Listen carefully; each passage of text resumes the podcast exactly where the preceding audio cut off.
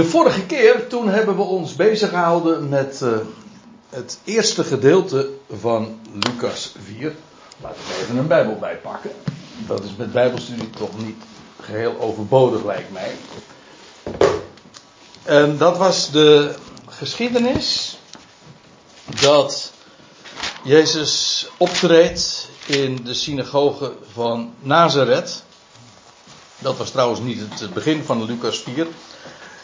Maar eh, vanaf vers 14, eh, dat is het onderwerp geweest wat we de vorige keer dus hebben behandeld. En dat loopt van vers 14 tot en met vers 30.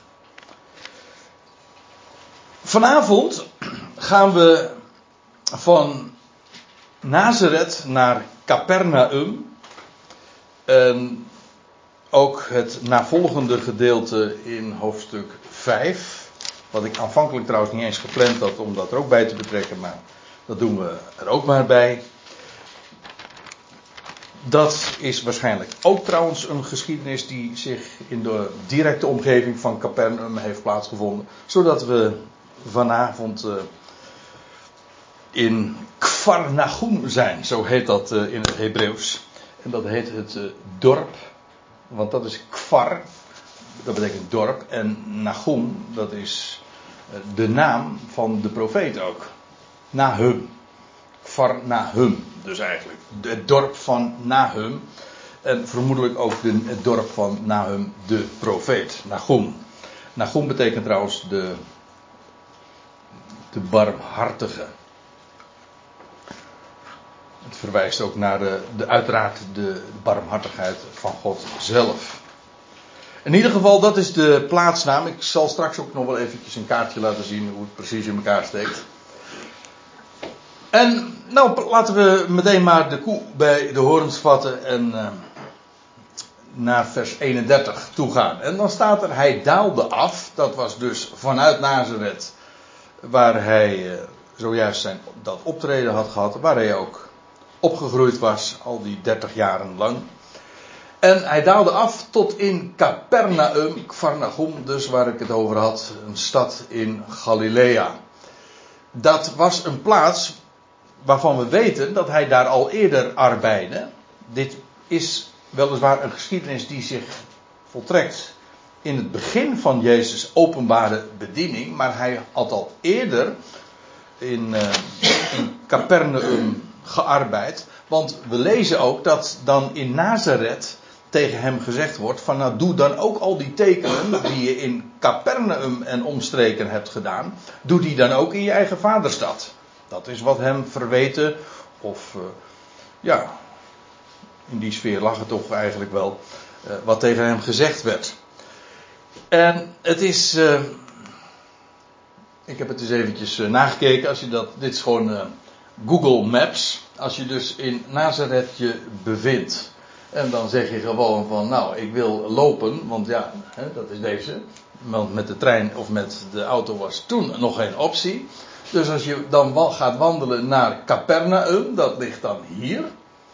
Dit is dus een moderne kaart. Al de plaatsnamen die je hier aantreft, die, die vind je voor het merendeel niet in, uh, in de Bijbel.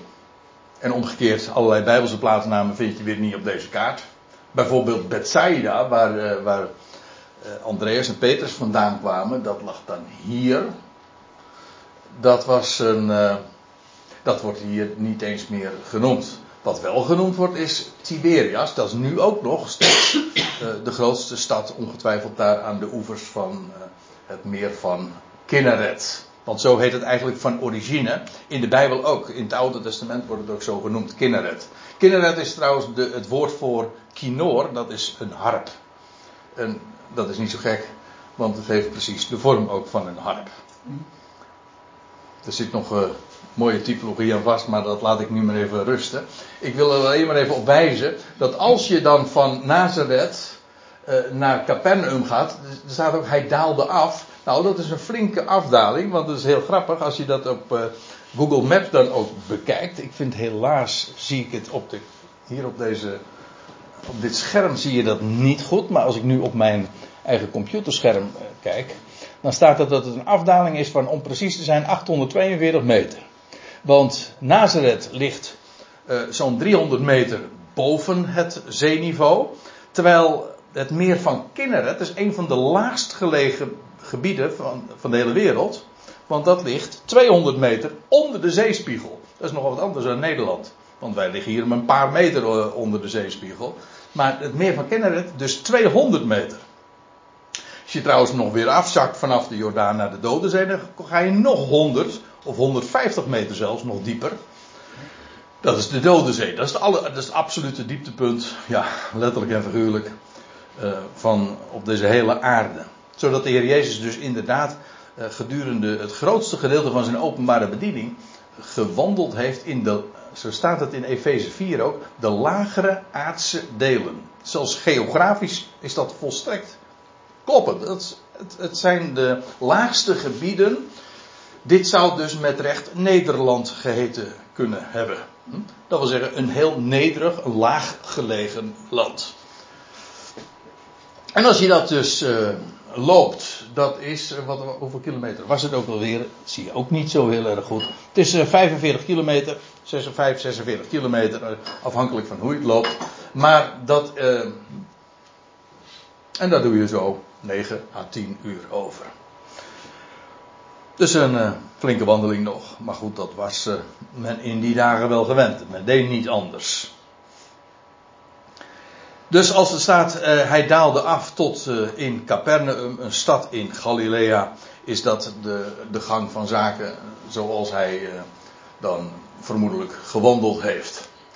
En dan staat er, hij onderwees hen op de sabbatten. De, de dagen bij uitstek dat men dus onderwijs ontving. Er staat in eh, Marcus 1, vers 21. Dat is mooi als je de evangelie dan naast elkaar legt. En dan zie je ook dat het ene evangelie soms wat informatie eh, meer aanreikt dan het andere evangelie. En dan staat er, en ze kwamen te Capernaum. En terstond op de Sabbat, dus de eerst, meteen de eerstvolgende Sabbat, ging hij naar de synagoge en leerde. En dit is volkomen, uh, dit is volkomen in lijn met elkaar. Alleen hier lees je dan nog, eh, van, meteen vanaf de aanvang ging hij daar arbeiden. Het is trouwens uh, opmerkelijk dat als je nu nog naar Capernaum gaat, dat daar zo goed als helemaal niks meer van over is. Behalve, wie, wie weet dat? Ben je de enige die dat gezien heeft? Ja. En het huis van de moeder of de schoonmoeder van Peter. Ja. Dus dat zegt men. Ja, dat zegt men. Dat, maar in, dat ieder lijkt... geval, in ieder geval de synagoge, want er staan nog een aantal pilaren, nog een aantal. Ja, dat is de synagoge. En, dat, en die synagoge die dateert uit, de, uit het begin van de jaartelling. Dus heel waarschijnlijk ook de synagoge geweest uh, waar uh, de Heer Jezus ook hier heeft onderwezen. Dus daarvan liggen, de, de vloer ligt er nog en een, een, een brok pilaar, veel is het niet. Viel mij toen uh, een beetje tegen, toen ik, herinner ik me toen ik daar was, want er was nog heel weinig te zien. Maar het is wel aan de andere kant weer indrukwekkend. Het ligt daar zo aan, aan pal aan de oever van, van het meer. En het is een heel klein dorpje geweest, dat kan niet anders. Kvar betekent ook dorp trouwens. En het heeft ongetwijfeld ook niet meer dan één synagoge gehad, lijkt mij zo. En hij onderwees hen daar dus op de zabbatten. En zij stonden versteld over zijn onderwijs. En dat zal ongetwijfeld ook uh, zijn de inhoud van het onderwijs geweest zijn. Waar ze versteld van stonden. Maar wat hier benadrukt wordt is, zij stonden versteld over zijn onderwijs. Omdat zijn woord in autoriteit was. Of met gezag. Letterlijk staat daar het woordje exousia, dat betekent volmacht. Dat wil zeggen, uh, zijn woord kwam van boven. Iets als je volmacht hebt, dan heb je macht namelijk van boven gekregen. Hè, van iemand die gerechtigd is. Zijn woord kwam dus echt, ja, van boven. Hij had met recht ook, zo wordt het in de BG-vertaling trouwens ook weergegeven, zijn woord was met gezag. Het woord gezag komt van ons, het werkwoord zeggen. En een, iemand met gezag, die heeft het voor het zeggen, maar die heeft ook wat te zeggen. Dat is wat gezag eigenlijk ook is. Dat is een heel mooi, uh, als je daarover doordenkt. Gezag dat is maar niet van met de knoet erover en jij luistert. Nee, je hebt wat te zeggen. En daarom heb je het ook voor het zeggen. En dat is wat gezag is. En Jezus' woord, daar stonden al de mensen daar in die synagoge versteld van. Vanwege de autoriteit waarmee gesproken werd. Het was namelijk ook onweerlegbaar. Dat, ook dat is eigen aan die, dat gezag, die autoriteit die hij had. Dat wat hij zei, daar kon niks tegen ingebracht worden. Dat was zo glashelder en zo vol met bewijs. Ja, dat, dat is echt wat autoriteit, gezag is. Later uh, zullen we dat trouwens nog uh, in bevestigd worden, een paar versen later. We komen daar straks nog eventjes op terug. Maar dit wordt al gezegd van zijn de wijze waarop hij onderwijs gaf.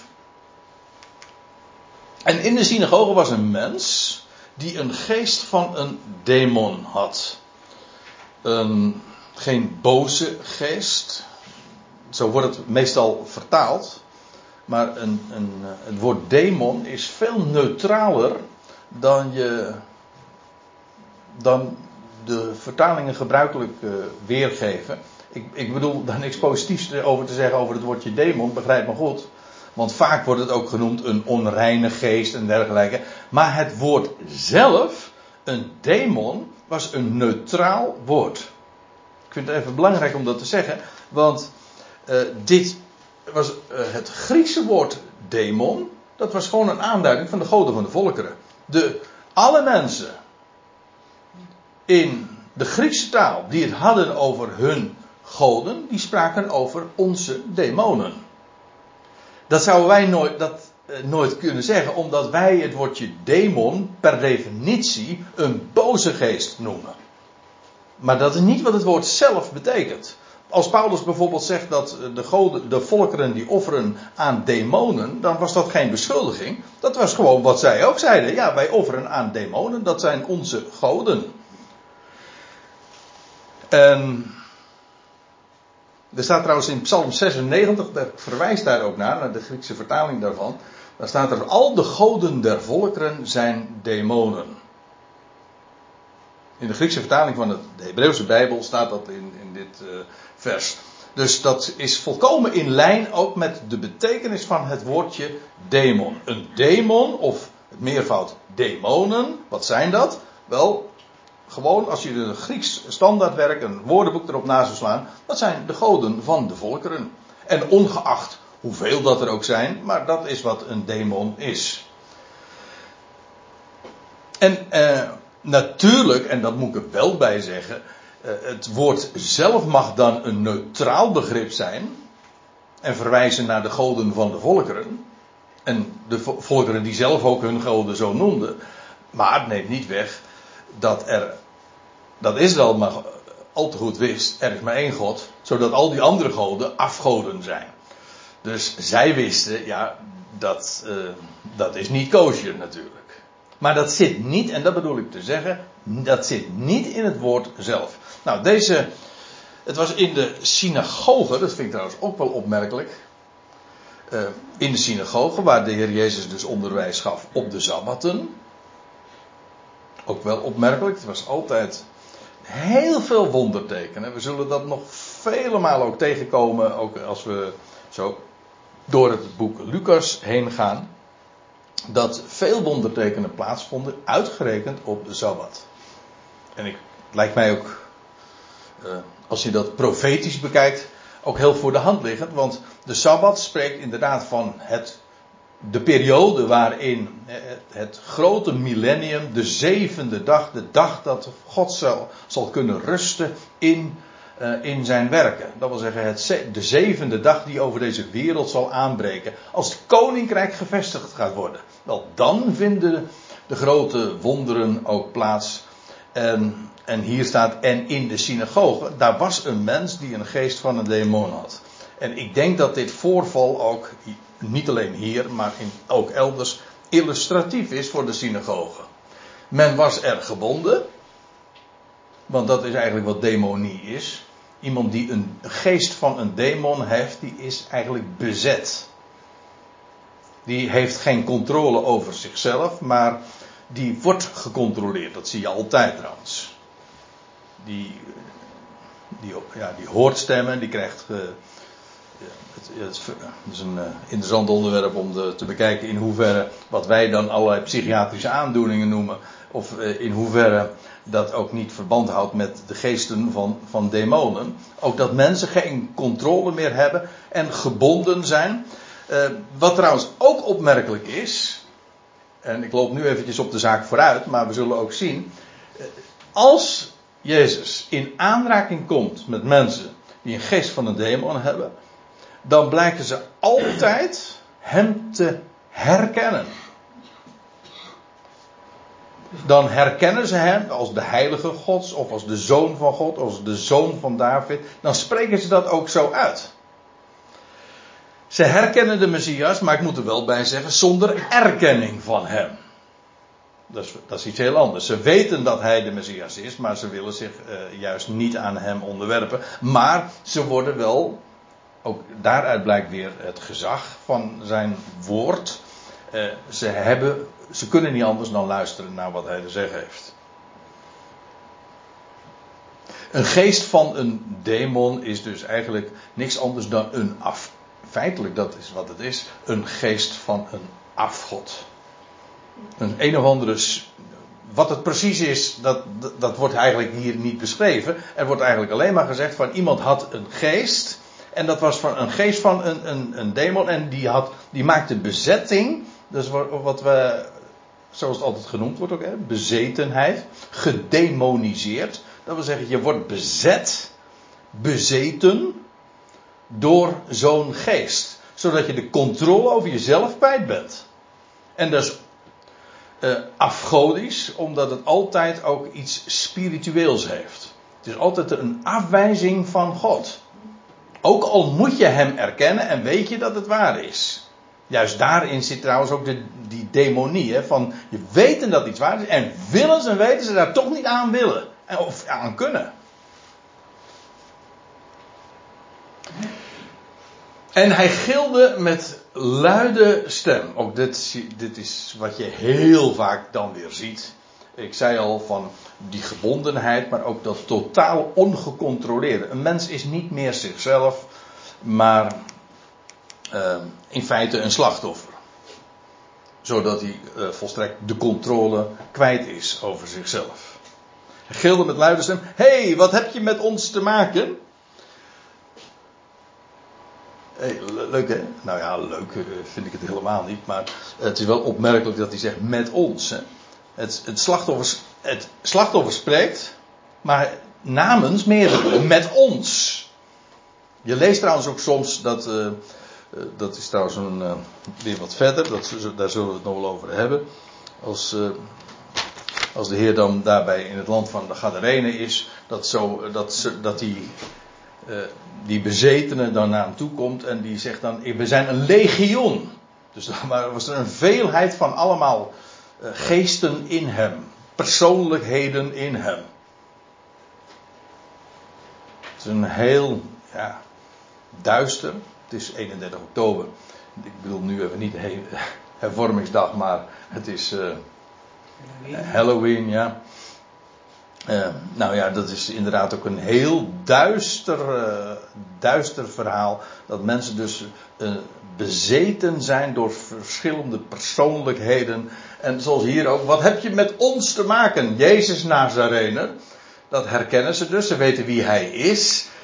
en dan kwam je om ons om te brengen. Dit is, dit is typisch taal van iemand die ja, bezet wordt ik moet er ook hierbij zeggen, in dit geval, die geesten herkennen en weten toch wel met wie ze van doen hebben. Ze weten wat hen te wachten staat, namelijk dat ze ten onder zullen gaan.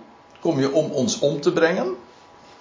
Maar ze weten ook door wie dat zou gebeuren. Ziet u? Dus eh, ze weten eigenlijk toch behoorlijk veel. Dat geeft trouwens ook alweer aan uh, dat daar meer aan de hand is dan, dan je oppervlakkig zou denken. Van uh, alleen maar een, uh, een of andere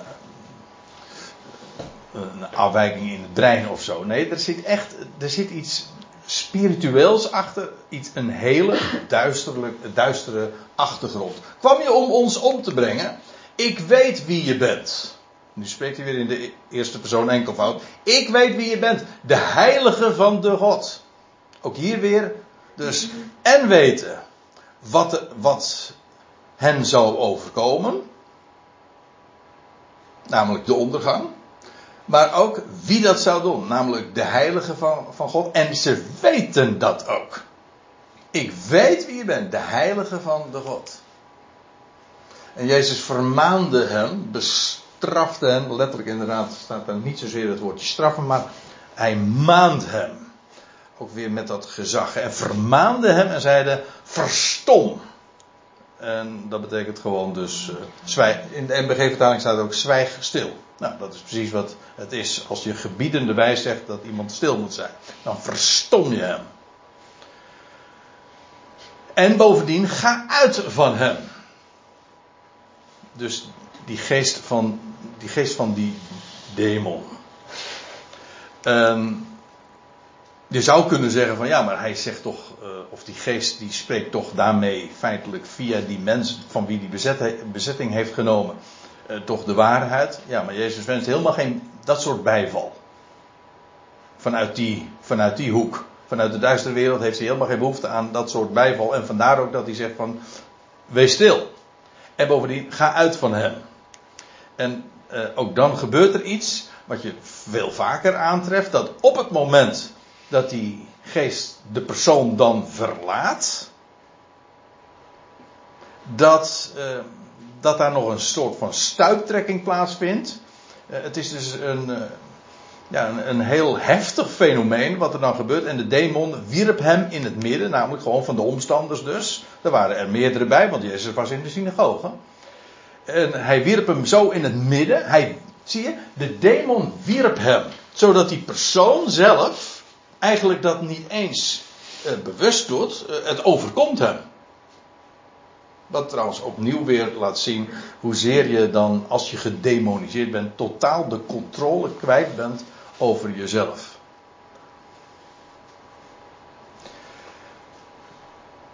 Ons woord bezetenheid is trouwens uh, letterlijk, als je dat in het Grieks bekijkt, ook letterlijk staat er, wordt er niet zozeer gesproken over dat je bezet bent, maar dat je gedemoniseerd bent. Dat wil zeggen, je wordt eigenlijk dus beheerst door een demon. Whatever that may be. Hè? Wat dat ook zijn mogen. Uh, want uh, het gekke is, in het Nieuw Testament wordt het gewoon beschreven.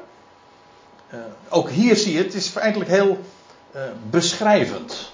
Descriptief, hè, zoals dat dan heet. niet eens zozeer van wat er allemaal achter steekt. Maar zo doet die geest zich voor in die persoon.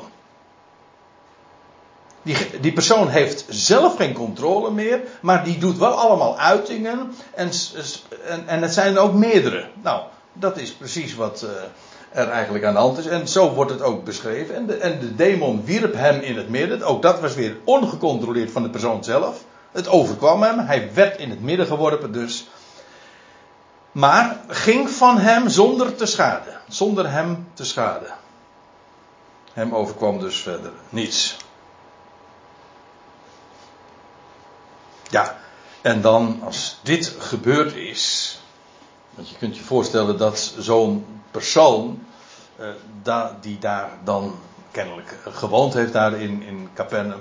Eh, dat hij al eh, dikwijls eh, behandeld is. En, maar niemand kon daar iets mee overweg. En dat als Jezus daarmee in aanraking komt, dat één zo'n woord deze power heeft, dit, dit gezag. En dan staat er ook, en er kwam ontzag over allen. En ze spraken erover met elkaar, logisch, want dit is, dit is toch heel ja, spectaculair ook wat er gebeurt. En ze zeiden, wat voor woord is dit? Ze herkennen dus ook meteen, ja, niet alleen maar degene die het zei, maar ook dat het het woord was dat dat vermogen heeft. Wat voor woord is dit? Logos. In autoriteit en kracht. Autoriteit is dat, is dat woord exousia waar we het over hadden. Volmacht dus. Wat ook typerend was voor zijn onderwijs. En hier staat ook het in autoriteit en kracht. Het Griekse woordje dynamisch, daar komt ons woord dynamiet vandaan. Nou, dat is toch wel heel explosief. Een enorm kracht gaat daarvan uit. Macht, volmacht, autoriteit, maar ook een enorme kracht. Zodanig dat het onweerstaanbaar is dat er zulke uh, duistere krachten in een mens werkzaam kunnen zijn. Maar die moeten dan wijken op het moment dat Jezus spreekt. En dat woord is genoeg. Uh, wat voor woord is dit? In autoriteit en kracht beveelt hij de onreine geesten. En zij gaan uit. Dat is gewoon wat ze zojuist hadden waargenomen. En allemaal vanwege dat woord wat hij sprak. En dat ze niet uh, eigenlijk thuis kunnen brengen, of in ieder geval in verbazing zeggen ze: uh, wat voor woord is dit? Maar dat het in autoriteit en kracht is, dat was onmiskenbaar, want dat is juist wat ze hadden vastgesteld. En dat onreine geesten uitgingen, dat hebben ze ook zojuist vastgesteld. En er ging een echo uit rond hem naar elke plaats in de omliggende streek. En nou zou je je vraag kunnen stellen van André, ik vind het een beetje een vreemde vertaling. En dat vind ik zelf eigenlijk ook. Een echo vanuit, dat, dat zeg je toch niet zo? Nee, maar waarom zeg ik echo? Omdat hier namelijk in een Grieks een woord staat en dat is het woord echo. Ja, echo is namelijk gewoon een Grieks woord. En dat betekent gewoon, ja, wat het bij ons ook betekent, een nagalm. Een weergalming. Ik vergelijk het dan een beetje met, uh, met dit, weet je wel. Er gebeurt dit. En dan krijg je, als je het, uh, het dit is dan visueel, maar als, in feite is een echo ook niks anders dan, zijn geluidsgolven die het effect zijn van. En die, dat, de nagalm. Dus hij sprak dat woord en er ging vervolgens een echo van hem uit, een weergalming hoe staat het er? Een roep um, in de MBG-vertaling. Ja, maar dat vind ik, uh, dat is mooi, maar het is eigenlijk een weergalming, ja. Er ging een weergalming uit rond hem naar elke plaats in de omliggende streek. Mede natuurlijk vanwege zo'n enorme uh, krachtige gebeurtenis. Maar ook al vanwege het onderwijs dat hij daar elke Sabbat in de synagoge gaf. Hij nu, staat er vers 38, stond op. En hij ging van de synagoge, dit is nog steeds op diezelfde Sabbat dus. Tot in het huis van Simon. Die we, die niet meer... Uh, verder hoeft te worden geïntroduceerd.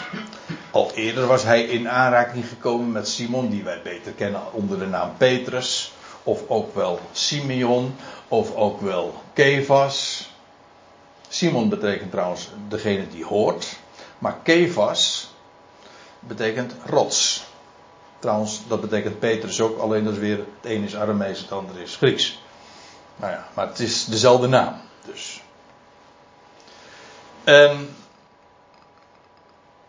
Ja, we zullen hem straks uh, uh, wederom tegenkomen, die Simon. Maar goed, hier even. Hij stond op en ging van de synagoge tot in het huis van Simon. We weten trouwens dat Simon en zijn broer Andreas. Ze kwamen uit Bethsaida. Dat was lag vlakbij Capernaum. Maar nu woonden ze dus, net als Jezus, ook in dat kleine dorpje Kvarnagum, Capernaum. In Marcus 1, vers 29 lees je trouwens. Uh, en terstond, dat is dus weer zo'n parallelplaats. Uh, terstond uit de synagoge gingen, dat is trouwens een typisch Marcus woord ook, terstond. Uh, en terstond uit de synagoge gingen zij in het huis van Simon en Andreas. Waaruit dus volgt dat die samen uh, in huis betrokken. Uh, met Jacobus en Johannes. Ook die zullen we later trouwens nog tegenkomen. Uh,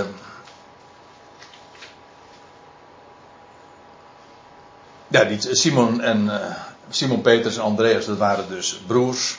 En die woonden bij elkaar. En bovendien hadden ze ook samen een, een boot. Ook daar komen we straks nog een schip. Ja, samen, geen, nee, geen uh, jacht of zo. Maar gewoon een, een, een schip waarmee ze hun werk deden. Namelijk in de visserij. En de schoonmoeder nu van Simon. Waaruit trouwens blijkt, dat is een van de weinigen van de discipelen van wie we weten. Zeg niet dat er niet meer geweest zijn. Ik zeg alleen, dus de enige van wie ik weet dat hij, getrouwd was. Simon, omdat hij een schoonmoeder had namelijk. Ja, daar hoef je geen, uh, daar hoef je geen groot geleerde voor te zijn om dat eruit af te leiden. En die schoonmoeder van deze Simon. Trouwens, ik, ik wijs er hier nog eventjes op. Dat ook later, Paulus, dat is dus een heel aantal jaren later. Nou, zeker, uh, goh, wat zal het zijn? Ik denk zo'n twintig jaar later. Dat Paulus er ook nog naar verwijst dat Kefas reisde. Samen ook met zijn vrouw. Uh, ja, gewoon ook als rondtrekkende prediker, zeg maar. Dus toen was uh, Kefas nog, nog steeds ook getrouwd, of wanneer beide waren nog in leven, kennelijk. met de schoonmoeder van Simon was het anders gesteld, want die was namelijk dodelijk ziek. Zo wordt hier de, de indruk gewekt. De schoonmoeder nu van Simon was bevangen in grote koorts. En zij, en dat is waarschijnlijk dus Simon en Andreas, en zij vroegen hem om haar. Zij, uh, nee, dat is natuurlijk, nou weet ik het. Dat is Simon en Andreas en Jacobus en Johannes, want die gingen het huis in. Dus, en zij vroegen hem om haar. Ja, waarom? Om haar te genezen, uiteraard. en hij stond boven haar. Ja, waarom de MBG-vertaling hier heeft vertaald van. En hij ging staan aan het hoofdeinde. Dat staat er echt niet. Er staat gewoon, hij stond boven haar, zoals een arts dat doet. Hè. De patiënt die ligt daar en dan, dan buig je je voorover, over de patiënt. En hij stond boven haar. En hij vermaande de koorts. Ook hij heeft dus gezag over de koorts. Hij vermaande de koorts. En deze verliet haar onmiddellijk. Ook hier wordt eigenlijk de koorts als iets. Uh, dat noemen ze een personificatie, als een persoon voorgesteld. Zoals wij dat trouwens in de taal ook heel vaak doen. Wij spreken ook over vadertje staat en over moeder aarde en dat soort dingen. Maar ook hier wordt de koorts aangesproken. En de, de koorts verliet haar onmiddellijk. En dan staat er, zij nu stond op en diende hen, en of bediende hen hier. In de andere evangelie wordt daar trouwens ook een melding van gemaakt van, van deze genezing. En vinden we soms ook nog weer wat uh, andere informatie. Maar ook hier natuurlijk, ook in datzelfde Capernaum, diezelfde Sabbat, dat uh, eerst die, die, die man met die onreine geest, die de, met die geest van een demon, uh, wordt genezen. En nu vervolgens, pal daarop, gaan ze naar het huis van, de, van, van Petrus. En Andreas, en daar ligt de schoonmoeder, en die wordt ook genezen. Uh, en deze verliet haar ook hier weer onmiddellijk. Dat is altijd weer het geval, als je dat leest, dat als er iets gesproken wordt, dat er direct ook gezag van uitgaat. Niet langzamerhand, uh, zoals je dat heel dikwijls uh, vandaag in al die.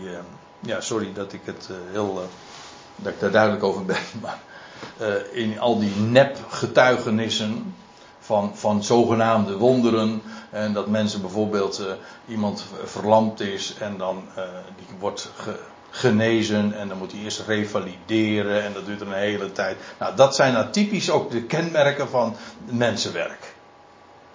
Dus zo lees je dat nooit. Je leest zelfs in, bij, in de geschiedenis van als, als Johannes Petrus de tempel binnengaan, dan komen ze een man tegen die zijn hele leven nog vanaf de moederschoot staat er al verlamd was. En die daar aan de, bij de poort zat. En dan lees je dat hij dat gezegd wordt van sta op. En, dan staat en onmiddellijk sprong die op. En hij ging dansend de tempel in. Moet je nagaan, heb je nog nooit gelopen. Dus het is, geen, is niet alleen maar geen revalidatie, maar hij leerde in één keer kon hij en lopen, wat zeg ik, springen en dansen. Alsjeblieft, kijk, dat noem ik, uh, dat is goddelijk werk. Dat is goddelijk werk.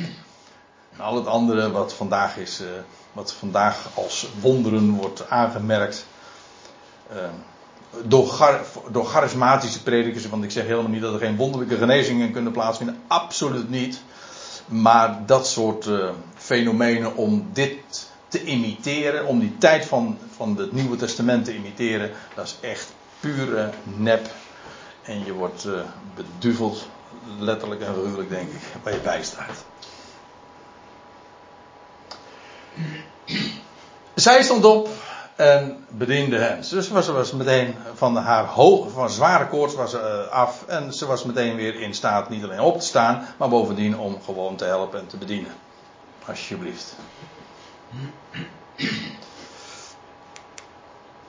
Toen de zon nu onderging, leidden allen die zwakken hadden met allerlei ziekten hen naar hem toe.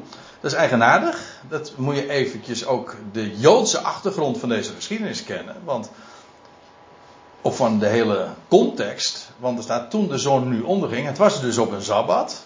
Dus als de zon onderging, was de Sabbat voorbij. En dan kun je vervolgens met, uh, gaan dragen met zieken op bangage en weet ik veel wat allemaal.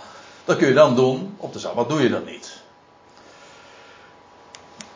Dit was dus gewoon na de Sabbat. Want uh, in de Bijbel loopt een dag, ook een, de Sabbat dus, van avond tot avond. Niet van 12 uur s'nachts tot 12 uur s'nachts.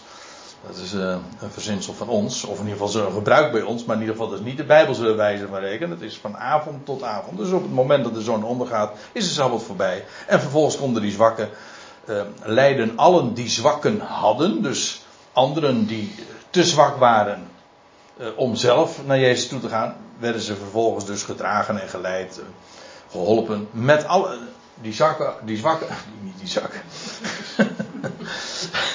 Die zwak hadden eh, met allerlei ziekten, van welke aard dan ook, naar hem toe. En hij legde ieder afzonderlijk van hen de handen op en genas hen. Ook hier weer niet alleen maar de onmiddellijkheid, uh, het enorme drastische, maar ook hier het universele. Dat wil zeggen, zonder uitzondering hij legde ieder afzonderlijk van hen de handen op. Dat is één ding. Maar vervolgens, en genas hen. Gewoon zonder uitzondering. En ook geen ziekte was te moeilijk. Zo van, nee, dat, dat, nee, nou, dit is een gevalletje, daar kan ik helemaal niks mee. Uh, ga maar weer naar huis of zo. Nee, ieder afzonderlijk van hen legde hij de handen op en genas hen. Kun je je voorstellen hoe een enorme roep daarvan uitgegaan is. Kijk, Jezus was gekomen met een missie. Hij was afgevaardigd. Ja, nou, we zullen dat straks ook zien. Uh, om het koninkrijk Gods te prediken. Ja, te herauten en ook te demonstreren. Dat deed hij. Zodat het onmiskenbaar was. Ook dat, daaruit zie je ook, het was een woord met gezag. Het was niet alleen maar bla bla, zo. Nee, er ging een daadwerkelijke kracht van uit. Het koninkrijk van God stond op het punt aan te breken. Dat was eigenlijk de prediking, de Sabbat. En ik kom er straks nog even op terug, want dan wordt er ook uh, zo op gewezen. En er staat er ook nog bij, en van velen gingen ook demonen uit. Nou, daar hadden we het al over. Dus uh, niet alleen die ene man daar in de, in de synagogen, maar er waren er nog veel meer. Die met dezelfde kwalen hadden en gedemoniseerd waren. En luidkeels roepend, zie je weer, luidkeels roepend, wat ook weer dus aangeeft dat ze zelf die controle niet hadden.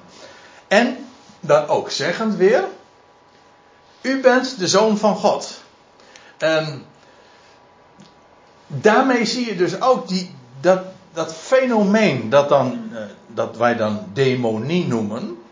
Dus gedemoniseerd, dat is het Bijbelse woord. Gedemoniseerd, dat is dus echt een, een spiritueel, een geestelijke kwaal. Ik weet niet hoe ik het goed moet zeggen, maar in ieder geval het heeft een geestelijke component. En het wordt eh, gekenmerkt door schreeuwen, dat, waarmee ook aangegeven is, de persoon zelf heeft geen controle over zich en, en doet, uh, ja, vandaar dus dat, dat schreeuwen, maar niet alleen dat. Uh, hij heeft sowieso allerlei dingen, bewegingen. Bijvoorbeeld, je leest bij een andere gelegenheid iemand die zich voortdurend in het vuur wierp. Nou ja, dat soort dingen. Je, je doet allerlei dingen uh, die, je, die je vanzelf niet doet, maar je krijgt dat commando. Uh, of hoe heet dat dan? Hoe noemen wij dat dan? Je, hebt stemmen en die zeggen dan wat je moet doen. Dan kun je de afschuwelijkste dingen doen. Vandaag las ik in de krant nog even een verhaal dat ging over die man die in. Uh, dat is nog niet zo heel lang geleden. Was dat niet in Den Haag? Uh, een student, nog een betrekkelijk jonge kerel, ook, ook, een moord had gepleegd, of twee moorden had gepleegd. En die ook dat deed uh, ja, met, met stemmen. Hij kreeg commando's, zei hij zelf ook. Ik moet dat doen. En dus deed hij dat. Hij kon daar gewoon niet aan ontkomen. Dat. Dat zijn dus, dat zijn dus de getuigenissen van de persoon in kwestie. Hè? Die zeggen dat zelf. Ik krijg dat commando. Ik moet dat doen. Ik kan niet anders. Dan ben je dus niet meer van jezelf. Dan ben je dus echt gedemoniseerd. Maar wat dan ook uh, heel eigenaardig is. Wat het, dat die spirituele, geestelijke component dus bevestigt. Is dat zij dus altijd ook herkennen met wie ze van doen hebben. Dat op het moment dat uh, die, die mensen, die slachtoffers, die gedemoniseerden dan met Jezus in aanraking komen, dan, dan schreeuwen ze, oké, dat is wat ze, wat ze dat slachtoffer ook aandoen. Want die heeft geen controle meer over zichzelf. Maar ook ze herkennen met wie ze van doen hebben. U bent de zoon van God. Hoe wisten ze dat? Ja, dat, dat, dat was de waarheid. En dan staat er ook hierbij, en hij vermaande hen en liet hun niet toe te spreken. Ook hier natuurlijk weer vanwege diezelfde gedachte uh, die we al een paar versen eerder zagen. De Heer wilde helemaal geen support van de tegenstander. I, iets soortgelijks kom je tegen in het boek Handelingen als, uh, als Paulus in Filippi is en dan komt hij in aanraking met die vrouw die heeft een pythonsgeest. En daar, zijn dan ook mensen dan wie daar, daar eh, een slaatje uit proberen te slaan, een financieel daar gewin. Maar in ieder geval, die had voorspellende vermogens. En in ieder geval, die, dan lees je dat als Paulus in Filippi komt, dat die vrouw uh, Paulus en Barnabas achterna lopen en dan zegt van, dit zijn getuigen, ik weet niet precies hoe het er exact staat, maar dit zijn getuigen van God. En dan, uh, na, dan lees je dat na een paar dagen Petrus of Paulus het zo spuugzat en dan, dan, dan beveelt hij ook dat die geest haar verlaat. Dat gebeurt dan ook. Dan zou je zeggen van, nou, maar die vrouw die, die, die, die roept toch overal van, je moet naar hen luisteren, want dat is een getuige van God. Nee.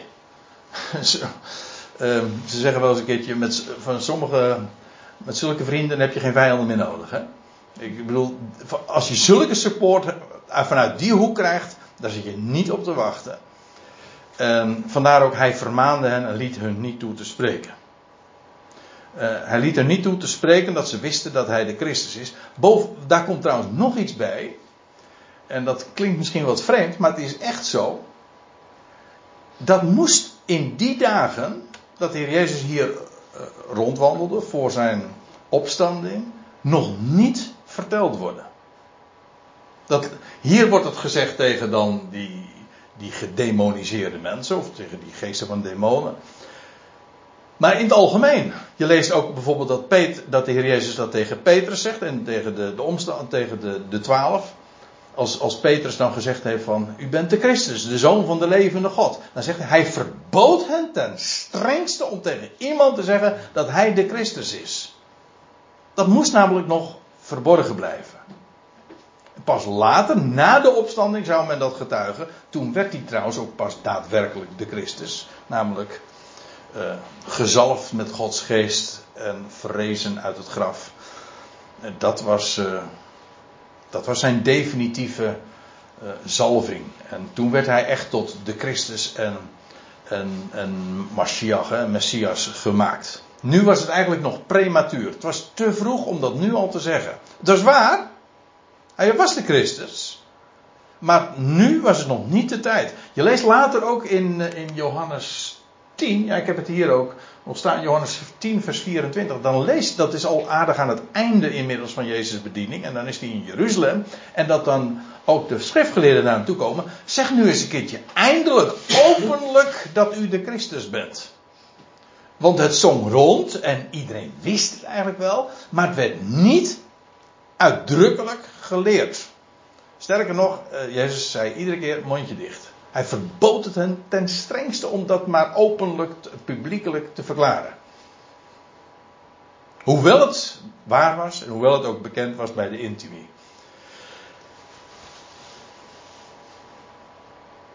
En die geesten die eh, worden hier ook daartoe gemaand.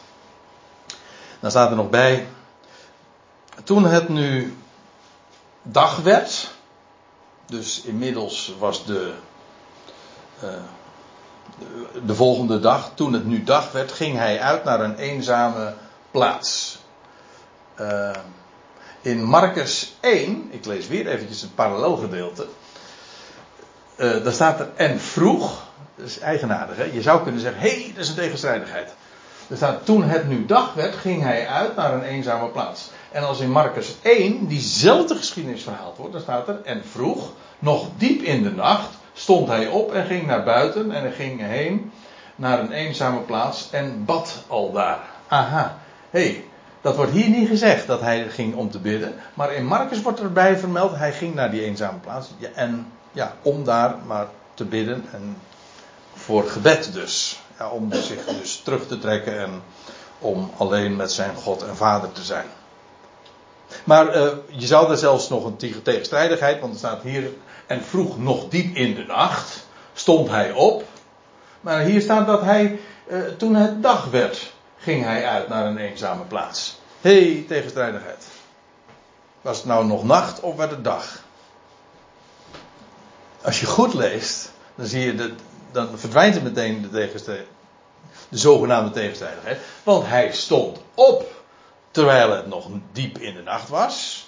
Wel vroeg. Hè? Maar het was nog donker. Toen stond hij op, maar hij ging uit toen het dag werd. Ja, dus volstrekt in lijn met elkaar. Moest nog een eindje lopen. Hè? Zeg, hij moest nog een eindje Hij moest nog een eindje lopen, ja. Dat is, dus het is totaal eh, in, in volstrekte harmonie met elkaar zulke, zulke mededelingen. Oké, het wordt anders geformuleerd, maar het is juist uh, elkaar aanvullend. Afijn, hoe dan ook, het werd dag, dus terwijl het uh, licht wordt. Want dat is wat in de Bijbel een dag is. Een dag, God noemde het dag, het licht, dag. En de duisternis, nacht. Dus wanneer begint de dag? Gewoon als het licht wordt. En wanneer eindigt de dag? Nou, als, het donker wordt. Dan eindigt de dag. Vandaar ook dat de Bijbel geen, geen dag van 24 uur kent, maar van 12 uur.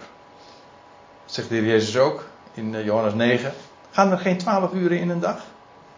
Ja, en 12 uur in de nacht. Gemiddeld. Ook bij ons trouwens. Ook bij ons heeft een dag 12 uur. Gemiddeld in een jaar. In de winter uh, duren het wat minder, in de zomer wat langer, maar gemiddeld 12 uur. Ja, maakt allemaal niet uit of het zomertijd of wintertijd is. Enfin, toen het nu dag werd, ging hij uit naar een eenzame plaats. En dan staat er, en de scharen, uit Capernaum dus en, en omstreken, zochten hem en ze kwamen tot hem en weerhielden hem van hen, hem, van hen, oh nee, sorry, en weerhielden hem van hen weg te gaan. En, maar dat moest, want er staat er vervolgens, hij zei tot hen, ook aan andere steden moet ik het koninkrijk van God evangeliseren. Hier wordt een werkwoord gebruikt. Ik heb er al vaker op gewezen. Maar het goede bericht brengen. Of het, uh, hoe staat er in de, het evangelie verkondigen. Zo wordt het in de MBG-vertaling weergegeven. Maar staat letterlijk eigenlijk één woord. Het is gewoon een werkwoord. Je hebt het evangelie, is het goede bericht. En je hebt evangeliseren, dat is gewoon het goede bericht brengen. En het is hier, het wat is het onderwerp van, zijn, van het evangelie van de Heer Jezus? Het koninkrijk. Het koninkrijk van God. Vandaar ook dat het genoemd wordt, op andere plaatsen, het evangelie, namelijk van het koninkrijk. En wat was de gedachte daarbij? Het koninkrijk, en dat moet je heel letterlijk nemen. Wij hebben het eh, in, in, de hele, in, het christendom is het woordje het koninkrijk van God is ook helemaal vergeestelijk, terwijl het gewoon een heel concreet woord is. Het is een, het koningschap van God. Hij gaat een koninkrijk letterlijk in deze wereld uh, bouwen. En wel in de plaats waar dat koninkrijk ook thuis hoort, in Jeruzalem. En dat is letterlijk een koning. Uit een koningshuis. En daar zal de koning regeren. En hij gaat dat bouwen in Jeruzalem. Hij gaat dat uh, eerst in de eerste plaats over Israël. En vervolgens worden alle volkeren onder dat koninkrijk gebracht. En maken dus deel uit van dat Israëlitische koninkrijk. Dat is het koninkrijk van God.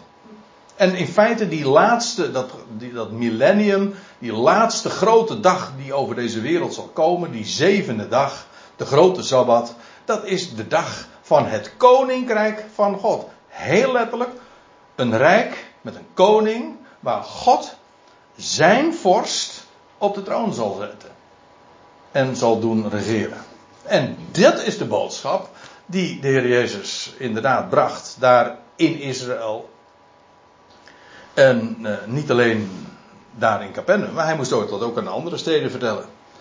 Dan moet ik, hè, er staat ook letterlijk van, uh, ik, het, dat woordje moeten is in het Grieks letterlijk, dat is dij, en dat betekent letterlijk het is bindend. Ik kan niet anders. Dat moet zo gebeuren. Waarom? Waarom moet hij dat doen? Wel, omdat ik daartoe ben uitgezonden of letterlijk afgevaardigd. Dat was zijn missie. En hij was geroepen om dat te vertellen aan het huis van Israël, want dat was het, dat was het, het volk immers waar dat koninkrijk primair over gevestigd zou worden. En de heer Jezus was uitsluitend gezonden tot het, tot eh, het huis van Israël. En daarom moest hij niet alleen maar daar in Capernaum en omstreken, maar ook eh, in de andere steden wezen. En ook daar moest hij dat geweldige goede bericht gaan van het koninkrijk brengen. Je ziet dus, eh, als je het hebt over evangelie, dan moet je ook de vraag stellen van, ja, welk evangelie? Dit is het evangelie van het koninkrijk dat in die dagen gepredikt werd aan Israël. Dat is niet het evangelie wat vandaag natuurlijk gepredikt wordt. Dat is de, het is nu niet de boodschap van het koninkrijk gaat nu in, in hier uh, aanbreken en jullie moeten tot geloof komen en dan zal het ook inderdaad gaan, gaan, gaan uh, gestalte krijgen. Nee, nu is het evangelie van genade. En van de verborgenheid. Dat is precies tegenovergesteld. Niet dat het koninkrijk openbaar wordt, maar dat het koninkrijk nu verborgen is. Dan zie je hoe belangrijk het is om de tijden ook te onderscheiden. En staat er, hij herauten tot in de synagoge van Judea. Ik weet dat in de Statenvertaling staat tot in de steden, tot in de synagogen van Galilea. Maar eh, de, alle handschriften, alle oude handschriften zijn unaniem. Staat letterlijk Judea. Ik begrijp wel waarom men dat Galilea heeft vertaald.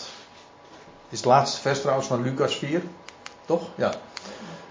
Lucas 4, vers 44, allemaal 4. Uh, eh, want in de paralleltekst, en dan heb je me weer, hè, daar lees je, en hij herautte, of hij predikte, of het, het woord wat hier gebruikt wordt, dat is iets proclameren, wat een volks, wat een, een stadsomroeper bijvoorbeeld deed. Gewoon een mededeling doen. En eventueel met een korte toelichting. Maar dat is iets herauten. Gewoon iets aankondigen en bekendmaken. Het woordje prediken is eh, prima. maar wij denken bij prediken toch te veel aan een kansel en een uitleg en onderwijs. Maar dat is niet wat, een, wat herauten is. Herauten, dat is gewoon iets bekendmaken, iets omroepen. En hij herauten, daar staat er tot in de synagoge van Judea. Ja, en als daar dan staat, eh, hij was in uh, Galilea. Hij was in, hoe was het? Uh, Capernaum, de omliggende steden. Jawel, maar Galilea is, nog, is, is in feite dat hele, wat wij dan noemen, het noordelijke Israël. Judea ligt aan de, aan de zuidkant. Uh, hij, later lees je dat de Jezus inderdaad ook richting Judea gaat. Maar dat was hier nog niet het geval. Maar er staat, er staat ook niet bij van dat hij, hij predikte in de synagoge.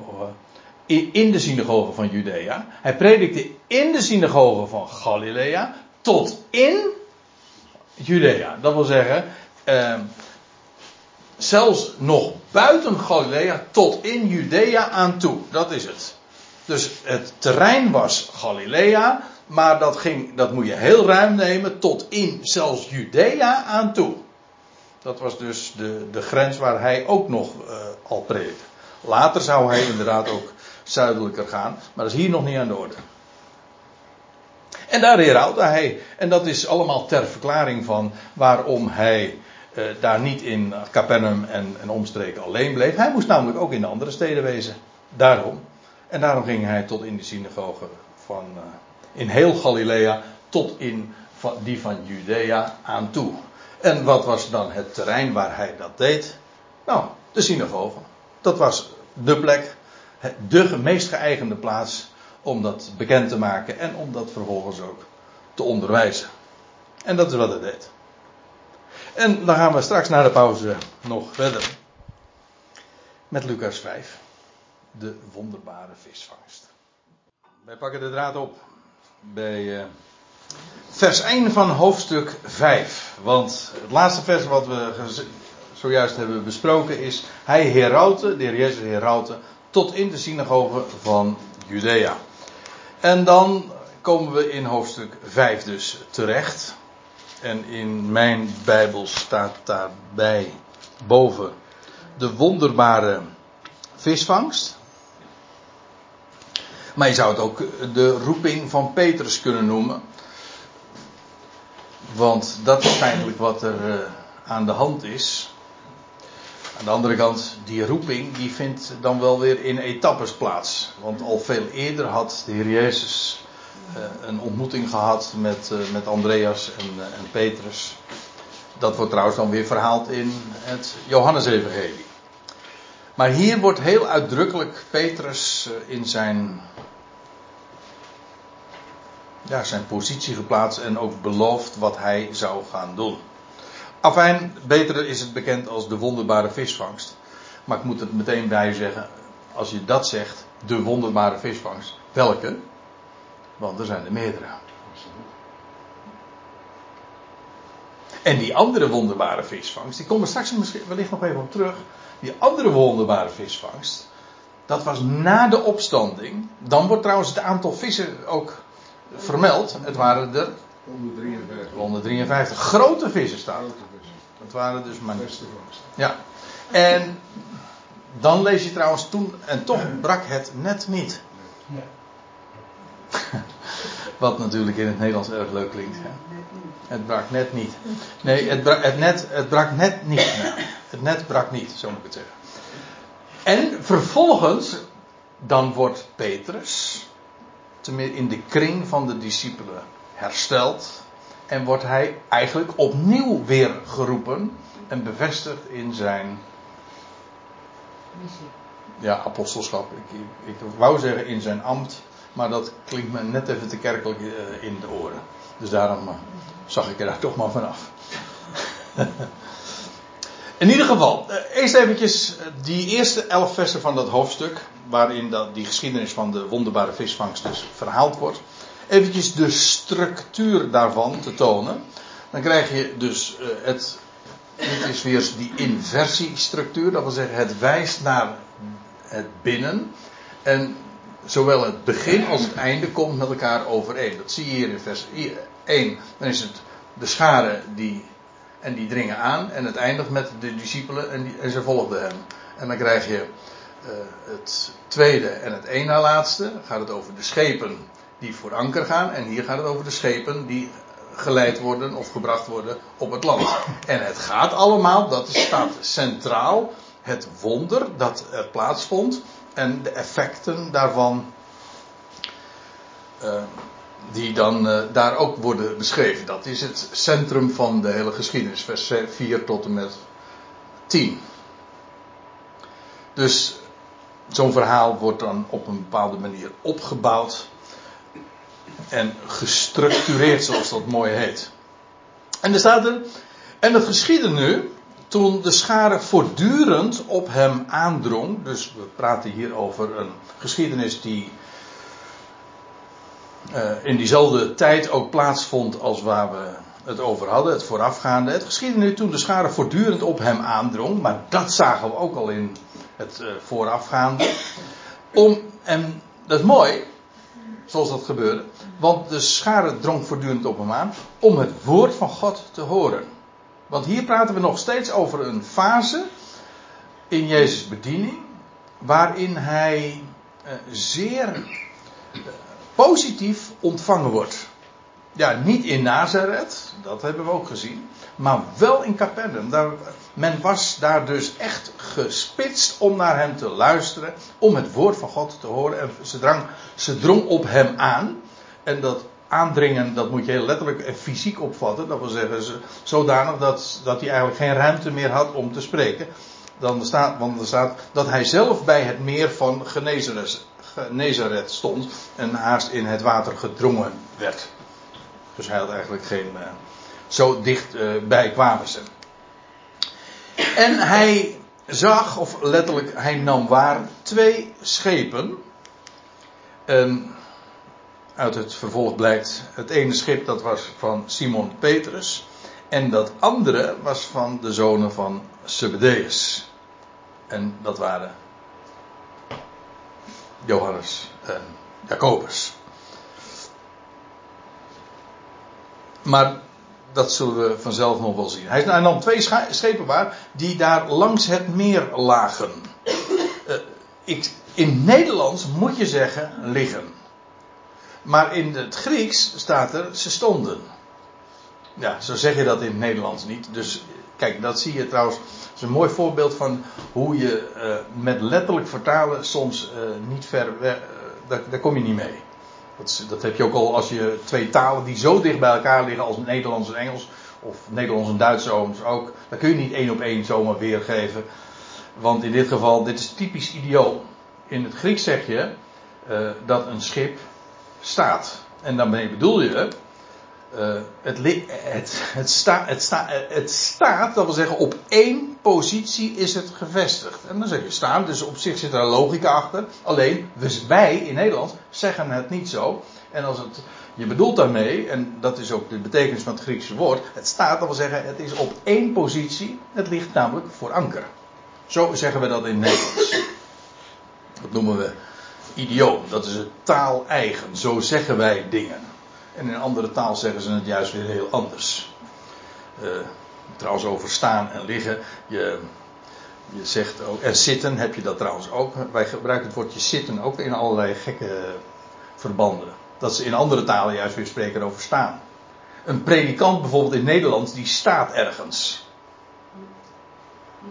Maar een uh, ouderlingen, die zitten weer. Hè? Die, uh, hoe was het ook alweer?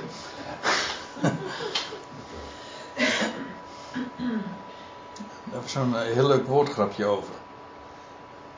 Maar dat kan ik nu even niet zo uh, voor de geest halen. Maar in ieder geval, dat zeg je ook zo. Um, in ieder geval, die schepen die, uh, die stonden daar dus, zoals dat er letterlijk dan staat. En de schippen, de vissers nu, die stapten daaruit. En waaruit dus volgt dat het kennelijk vroeg in de ochtend nog was. Want ja, men vist in de nacht. En, als je, en na de nacht, dan, dat blijkt ook in deze geschiedenis, dan vervolgens ook wel. Ja, uh, na de nacht dan heb je je, werktijd gehad. En ze, sta, ze stapten daaruit en ze spoelden uh, de netten om ze weer gereed te maken voor de voor de volgende nacht. Hij nu, Jezus, ging in een van de schepen die van Simon was. Die al bekend waren met elkaar, want we, al eerder zagen we natuurlijk dat Jezus in het huis van Simon was en daar de schoonmoeder, zijn schoonmoeder ook genas, et cetera. Maar hij ging in een van de schepen die van Simon was en hij vroeg hem een eindje, een klein beetje van land af te steken. En hij, hij nu, en dat is, uh, ja, Jezus dus ging nu, en vanuit het schip onderwees hij de schade. Dat is uh, een soortgelijke geschiedenis als dat je later leest. Dat is in Matthäus 13. Dat Jezus, daar staat er van, hij ging het huis uit. Hij verliet het huis. En hij ging bij de oever van de zee. En vanuit het schip, dus eigenlijk vanuit het water, richt hij zich daar tot de mensen die daar aan de oever, aan het land zich bevinden. Dit is trouwens een aanleiding van Matthäus 13, vers 1, want hier mis ik dat andere bootje. maar goed, uh, dat is het idee. Maar ik moet er trouwens bij zeggen, daar zit nog weer een prachtige typologie in. En het is feitelijk ook daarmee profetisch. Want het idee is dat de zee een aanduiding is van de volkerenwereld. En het land, de mensen op het land, een aanduiding van Israël. En God, dat is trouwens ook de tegenwoordige waarheid. God spreekt nu van, de Heer Jezus spreekt nu vanuit de volkerenwereld, vanuit de zee, tot degene op het land. Dat was eigenlijk ook de situatie in de, later in de handelingentijd. En als de Heer Jezus bijvoorbeeld die gelijkenissen vertelt, uh, waarin hij vertelt over hoe het koninkrijk zich zal verbergen. In feite, al die gelijkenissen zijn de gelijkenissen van de verborgenheden van het koninkrijk. Dat het koninkrijk zich zou verbergen, dat is in de tijd dat het koninkrijk verborgen is en dat de Heer om zich bevindt te midden van de volkeren, maar wel zich richt tot, ook spreekt tot het volk op het land. Dus uh, het is ook in feite aanschouwelijk onderwijs. Dus los van de inhoud, van wat hij te zeggen heeft, de wijze waarop hij dat deed, dat hij dus afstand neemt eigenlijk van de mensen op het land, maar wel hen toespreekt en zichzelf op de zee bevindt, daar gaat op zich al een hele sprake van uit. Ja, als je, ja, eh, dat, je leest trouwens ook in Matthäus 13, dat de Heer Jezus, dan wordt de vraag gesteld van waarom hij gelijkenissen vertelde, en dan staat er opdat ze horende niet zouden verstaan en ziende niet zouden zien. En wat zagen ze? Ze hoorden de Jezus gelijkenissen vertellen. En iedereen zegt dan van ja, dat deed hij om dingen duidelijk te maken. Nee, hij deed het juist niet om duidelijk te maken. Hij vertelde ze gelijkenissen, maar hij vertelde niet bij wat het betekende. Dus zodat ze alleen maar verhalen en beelden hoorden, maar wat het betekende. En wat zagen ze? Nou, ze zagen iemand daarop in een boot zitten en vanuit het water dan spreken tot uh, de mensen daar op het land. Maar dat zagen ze wel, maar ze hadden het niet door wat het eigenlijk betekende. Kijk, zie je? Dat, zie je? Dat is wat erachter steekt. Maar ja, daar moet je ogen ook voor geopend worden om dat uh, te begrijpen. En vanuit het schip onderwees hij de schade.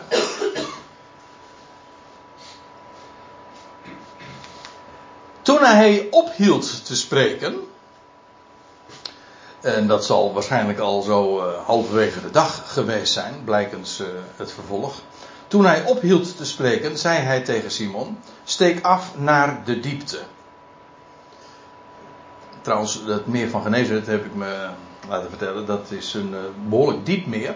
Dat heeft op sommige plekken wordt bijna is 50 meter diep. Dat is voor een meer best wel dat is, behoorlijk diep. En ze zouden afsteken naar de diepte. En laat, uh, nou, dus van, van de oever af. En laat jullie netten zakken om te vangen. Zo staat het er letterlijk dan. En jullie netten, hij spreekt tegen Simon, maar kennelijk ook zijn broer Andreas, met wie hij samen uh, visser was. Dat lees je al veel eerder, dat de Heer Jezus ook Andreas en Petrus ziet, samen ziet vissen. En dan zegt hij, kom en volg mij. En dat, dat doen ze dan ook, maar later zijn ze kennelijk toch weer, uh, hebben ze hun werkzaamheden weer opgepakt. Na deze geschiedenis doen ze dat trouwens niet meer. Dan pakken ze hun werkzaamheden niet meer op. Dan zijn ze dat lijkt ook wel, want dan lees je dat ze hun schepen op het land trekken en dan gaan ze niet voor anker. Nee, dan laten ze hun, ja, verbranden ze hun schepen achter zich. Dat is, zoals we het dan ook zeggen. En Simon, ja, die zegt dan, antwoorden zij, meester, de hele nacht door zwoegden we en vingen niks. We hebben zo ons uiterste best gedaan om de hele nacht iets te vangen en uh, zonder succes. En je kunt je ook nog voorstellen dat uh, deze vissersman, die al zo uh, doorgewinterd was in zijn, in, in, die hele, in zijn beroep, zo goed wist wat hij, wat hij deed, dat hij zelfs beroepsmatig zou hij zelfs nog kunnen zeggen: Wat weet u nou? U komt, u, een timmerman. Een timmermanszoon uit Nazareth. Gaat u me nou vertellen dat wij overdag, in het heetst van de dag, uh, onze netten moeten gaan uitgooien? Dat. Naar de mens gesproken had hij nog gelijk ook. Wellicht. Hij sprak in feite als professional, als vakman, zeggen: Dat doe je toch niet? Uh, ik kan me zo ook voorstellen, want er waren heb ik me ook laten vertellen, ik kan het niet vanuit de Bijbel wijzen, maar er moeten er rond die tijd, daar aan, op het meer van Kinneret, het meer van Genezeret, zo'n 4000 uh, eh, vissersboten hebben gevaren. Dus dat is uh, uiteraard, het is een groot meer. Het, is, heeft een, in totaal, ik heb het vandaag nog even gelezen, het heeft een totale oppervlakte van 165 vierkante kilometer. Dus dat is nog een, een, een het is echt een groot meer natuurlijk. En vanuit uh, alle kanten heb je daar van die vissersplaatsen. Maar in ieder geval zo'n uh, zo'n 4000 stuks moeten dat er toen ongeveer geweest zijn. En je kan je voorstellen dat als je dan overdag, het heetst van de dag, uitgaat om, om, te, om met je netten om te vangen, dat je ook nog voor je collega's ook nog een beetje voor joken staat. Hè? Kijk, dat soort overwegingen zal hij gehad hebben. Simon antwoordde en zei: Meester, de hele nacht door zwoegden we en vingen niets. Maar dan tegelijkertijd dit. Maar op uw uitspraak, op uw woord, letterlijk staat er een uitspraak. Niet logos, maar remata. Uh, maar op uw uh, uitspraak zal ik de netten laten zakken. Omdat u het zegt, doe ik het. Ik bedoel, Jezus, of Peter wist inmiddels uh, de kracht van Jezus' woord. Dus hij had, hij niet eens het lef om dat tegen te spreken. En hij wist ook, uh, dat moet ik doen. Gewoon. Geen twijfel mogelijk. Op uw uitspraak zal ik de netten laten zakken. En toen zei hij en Andreas, misschien nog meer uh, personeel ook, ik weet het niet. En toen zij dit deden, sloten ze, staat er meteen, sloten ze een talrijke menigte vissen in, uh, in. Later gebruikt Paulus ditzelfde werkwoord. En dan zegt hij dat hij allen onder de ongehoorzaamheid besloten heeft. Om zich ook allen te ontfermen. Dan staat daar hetzelfde Griekse woord als wat hier ook gebruikt wordt. Een talrijke menigte vissen wordt ingesloten. Dat wil zeggen, in een net, ze kunnen geen kant meer op. Dat is wat je, je zit vangen. Je zit vast, je kan geen kant op. Zoals nu ook allen onder de ongehoorzaamheid besloten zijn. Ja, je bent een, je bent een ademiet, een sterveling, een zondaar en er is geen ontkomen aan. In ieder geval, eh, zij, de, zij, deden wat Jezus eh, had gezegd. En Paul staat erop en ze sloten een talrijke menigte in, eh, vissen in. En hun netten scheurden door. En zij wenkte de, de partners, hun makkers, staat er in de NBG vertaal, vertaling, letterlijk hun, partners. En ik denk dat dat dezelfde zijn, het is een beetje omstreden, als die compagnons die in vers 10 genoemd worden. Uh, ik kom er straks nog uh, even op terug. Zij wenkte de partners in het andere schip, want u weet het, dus in het begin van het hoofdstuk werd er gesproken over, hij zag twee schepen. De ene was van Simon Petrus.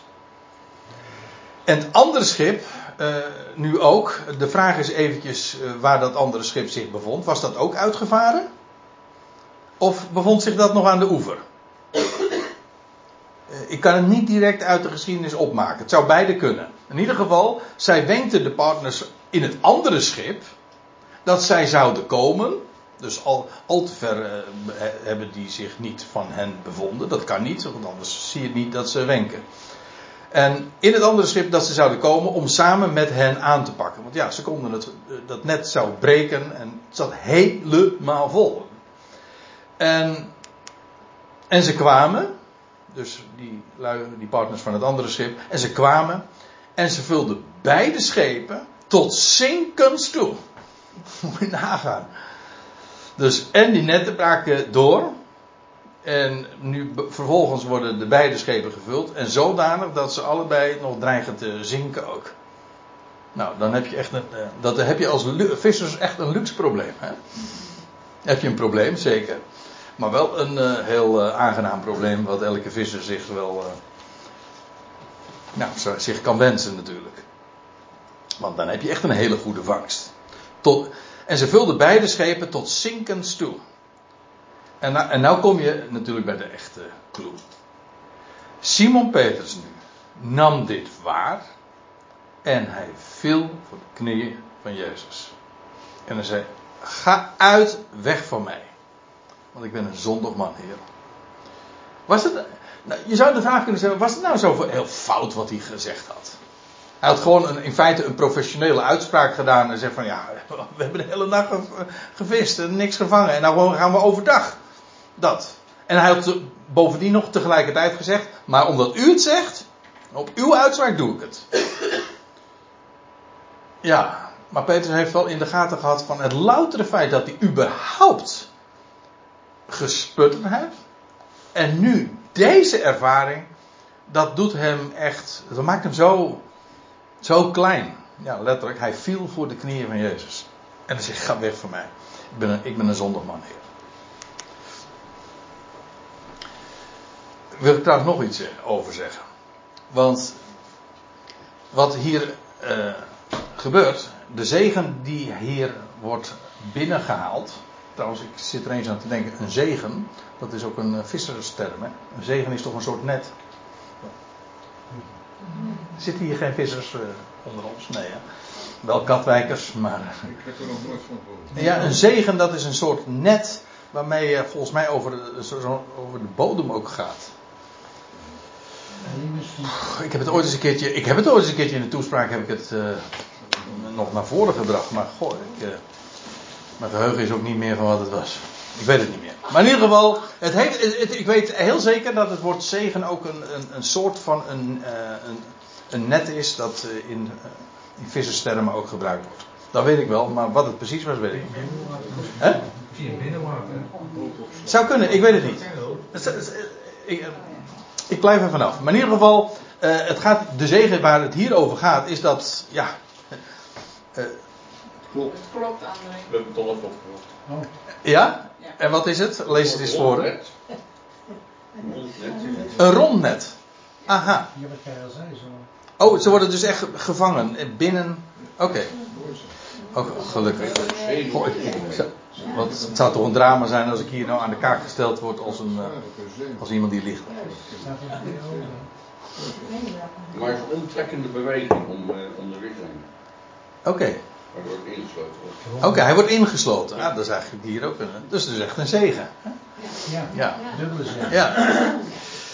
Maar hier, die net, de netbrekende, bootzinkende zegen. Ja, ik, eh, ik, ik ken zo'n. In het Engels heb ik dat eens een keertje zo'n dienst gehoord. Dat het voortdurend, naar aanleiding van deze geschiedenis. over een net, een net breaking en een boat sinking blessing. Ja. Dan zwemmen de vissen er weg. Hè? Sorry? Als het net breekt, dan zwemmen de vissen eruit. Ja. Nou ja, dat zal ik wel. Uh, het net brak door, dus ze moesten natuurlijk alles. Uh, en desondanks. Ik dacht, niet brak, net, Hè? ik dacht net niet brak hoor. Ja, ja, ja, ja, het stond wel. Er stond. Twee schepen vol. Ze sloten een talrijke mensen in en hun netten scheurden door. Ja, dan bij de fight. Ja, nou ja, ze dreigden door te scheuren. Of, nou ja, of dat er al. of dat er al velen eh, inmiddels eh, weggezwommen waren, maar dat ze desondanks toch nog zoveel over hadden, zoveel overhielden. Ja. Moet je nagaan, dus terwijl dus, eh, de schepen vol zijn en al aan het zinken zijn, waren de netten nog gebroken ook. Moet je nagaan. Ja. Was ook Ja. lading. Goed, nou ja. Ehm, nee, waar, het- waar het mij over ging, eh, dat wat ik even nog naar voren wilde brengen. Deze, dat dit gebeurde, dat was geen gevolg van Petrus inkeer. Nee, het is precies omgekeerd. Petrus inkeer, het feit dat hij nu zich voor de voeten van Jezus werpt, dat is een gevolg van het bewijs van genade wat hij nu juist had eh, beleefd. Dat staat in eh, Romeinen 2, dat vind ik een prachtig vers. Hij zegt, weten jullie niet dat de goede tierenheid van God u tot bezinning leidt? Dat is niet eh, de prediking van, van verdoemenis of van, van, van, van veroordeling. Nee, wat brengt een mens tot inkeer? Dat is juist wanneer God zijn genade en zijn goede tierenheid bewijst. Dat, in deze geschiedenis zie je dat ook. Petrus komt tot inkeer, juist omdat hij zo onder de indruk is van ja, de goede tierenheid van God, die, eh, die de boot bijna deed zinken. Hij was zo zwaar beladen met zegen dat hij het niet eens kon, hebben, kon hebben. Dat. En dat bracht hem tot inkeer, op de knieën, letterlijk. En dan staat er eh, dat dat niet alleen hem overkwam, want ontzag beving, niet beving, maar beving eh, hem en allen die samen met hem waren eh, in die boot dan.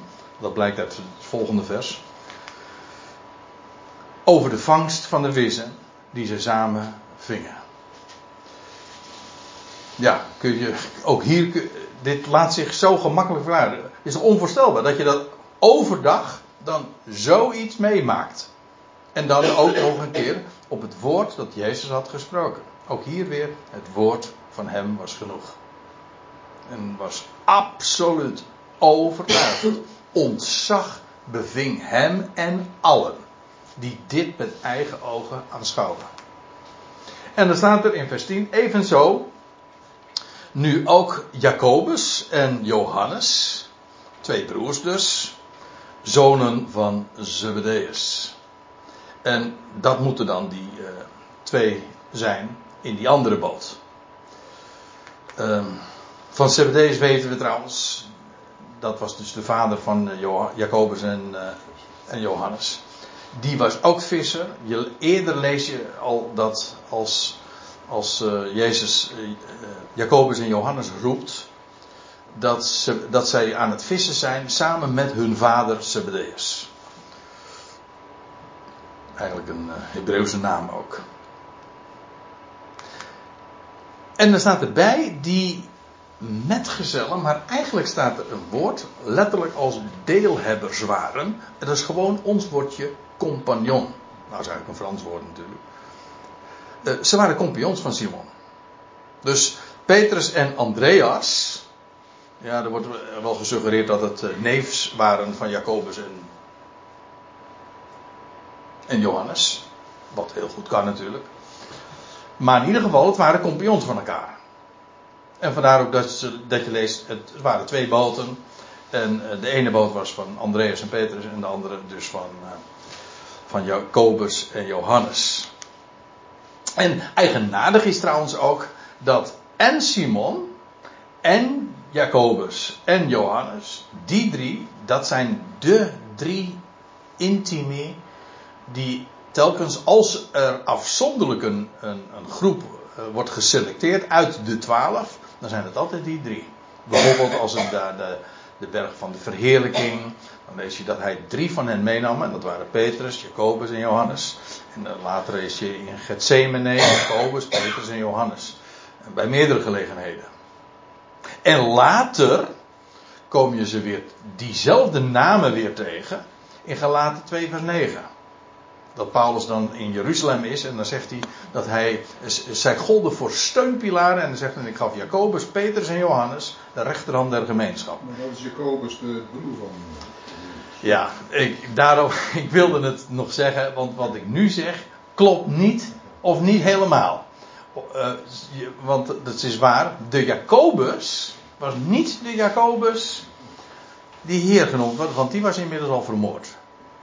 Maar die, ja, heel eigenaardig, want die, op het moment dat die, deze Jacobus vermoord wordt, ja, dat wordt verhaald in, Jacob, in, uh, in Handelingen 12, dan, hij wordt omgebracht door koning Herodes. En dan lees je dat vervolgens, dan neemt Jacobus, maar dat is de broer van Jezus, de, de, de halfbroeder zijn, de broeder van de, des Heren, neemt feitelijk diens, uh, zijn positie uh, over. En dus eigenlijk de naam Jacobus blijft gewoon functioneren. Alleen het is, het is, de naam is eigenlijk overgedragen aan een ander. Ja, gewoon Jacob. Jacobus is gewoon de Griekse vorm van Jacob. Dus uh, daarom, daarom, heb ik expres ook gezegd, niet dezelfde, maar het zijn wel dezelfde drie namen die ook Paulus dan weer noemt als Jacobus, Petrus en Johannes. Dat waren de steunpilaren en dan staat er van, zij, hoe was het ook alweer? Aan Paulus was het evangelie van de voorraad toevertrouwd. Hij zou naar de natieën gaan, naar de zee. En Jacobus, Petrus en Johannes, als de drie representanten van de twaalf, die zouden naar de besnijdenis gaan. Dat was hun bediening. Ook van Petrus. Petrus was de apostel van de besnijdenis. En hij, is, en hij werd een visser van, van mensen. Ja, waarom? Omdat hij velen onder Israël eh, het getuigenis van de Messias heeft gebracht. Evangelie van de voorheid en het evangelie Ja. van de besnijdenis. Ja. En in de NBG staat voor. Ja, Dat is de grote fout die ze doen. nou dat kun je wel zeggen, ja. Absoluut. En dan wordt er gesuggereerd van ja, het is hetzelfde evangelie, alleen naar verschillende doelgroepen. Terwijl er gesproken wordt over het evangelie van de besnijdenis. Het is gewoon het evangelie dat hoort bij de besnijdenis. Ja, nou ja, dat eh, laten we hier maar eventjes rusten. In ieder geval, Jacobus en Johannes, ehm, dat waren de zonen van Zebedeus en het waren compagnons van Simon. Ehm, en Jezus zei tegen Simon, vrees niet, wees niet bang. Want je kunt je voorstellen, hij was, uh, er was een enorm ontzag wat hij nu had ontvangen. Hij zei, maar wees niet bang. Vanaf nu zul je mensen levend vangen. Zo staat het er letterlijk. Dus feitelijk wat hier gebeurde, dat, dat hij zo'n uh, die enorme school vissen binnenhaalt, dat was een beeld van wat hij daadwerkelijk zou gaan doen. Maar in zijn echte bediening. Dat wil zeggen, hij zou gewoon visser blijven. Alleen geen visser meer van vissers, van vissen, maar een visser van mensen. En dat is die niet alleen maar, dat was niet alleen de bedoeling, dat is die ook daadwerkelijk geworden. Vanaf nu zul je mensen levend vangen. En ik zei al, deze geschiedenis lijkt uh, als twee druppels water op wat je jaren later na de roeping, uh, na de opstanding ook leest. Ook daar eerst een wonderbare visvangst. Na een nacht vergeefs vissen. Ook dat, dat is heel opmerkelijk. En daarna wordt Petrus bevestigd in zijn apostelschap, in zijn roeping. En dan het laatste vers. En zij leden de schepen op het land. Ja, nu niet voor anker, maar nu definitief worden de schepen op het land getrokken. Die hadden ze niet meer nodig. En, uh, en ze lieten alles achter. En volgden hem. Dat is duidelijk wat ze nu zouden gaan doen. En dit is dus het begin van uh, ja, hun discipelschap. En om jarenlang onderwezen te worden door de Heer Jezus. Nou ja, jarenlang. Drie jaar dus. Drie jaar lang. Drie uh, en een half jaar. Zo is het gekomen. Zo is het allemaal begonnen. En de volgende keer. Dan, dat is 21 november. Dan gaan wij verder met Lucas 5. En wel de genezingen die daar beschreven worden. En de roeping van Levi. Oftewel Matthäus.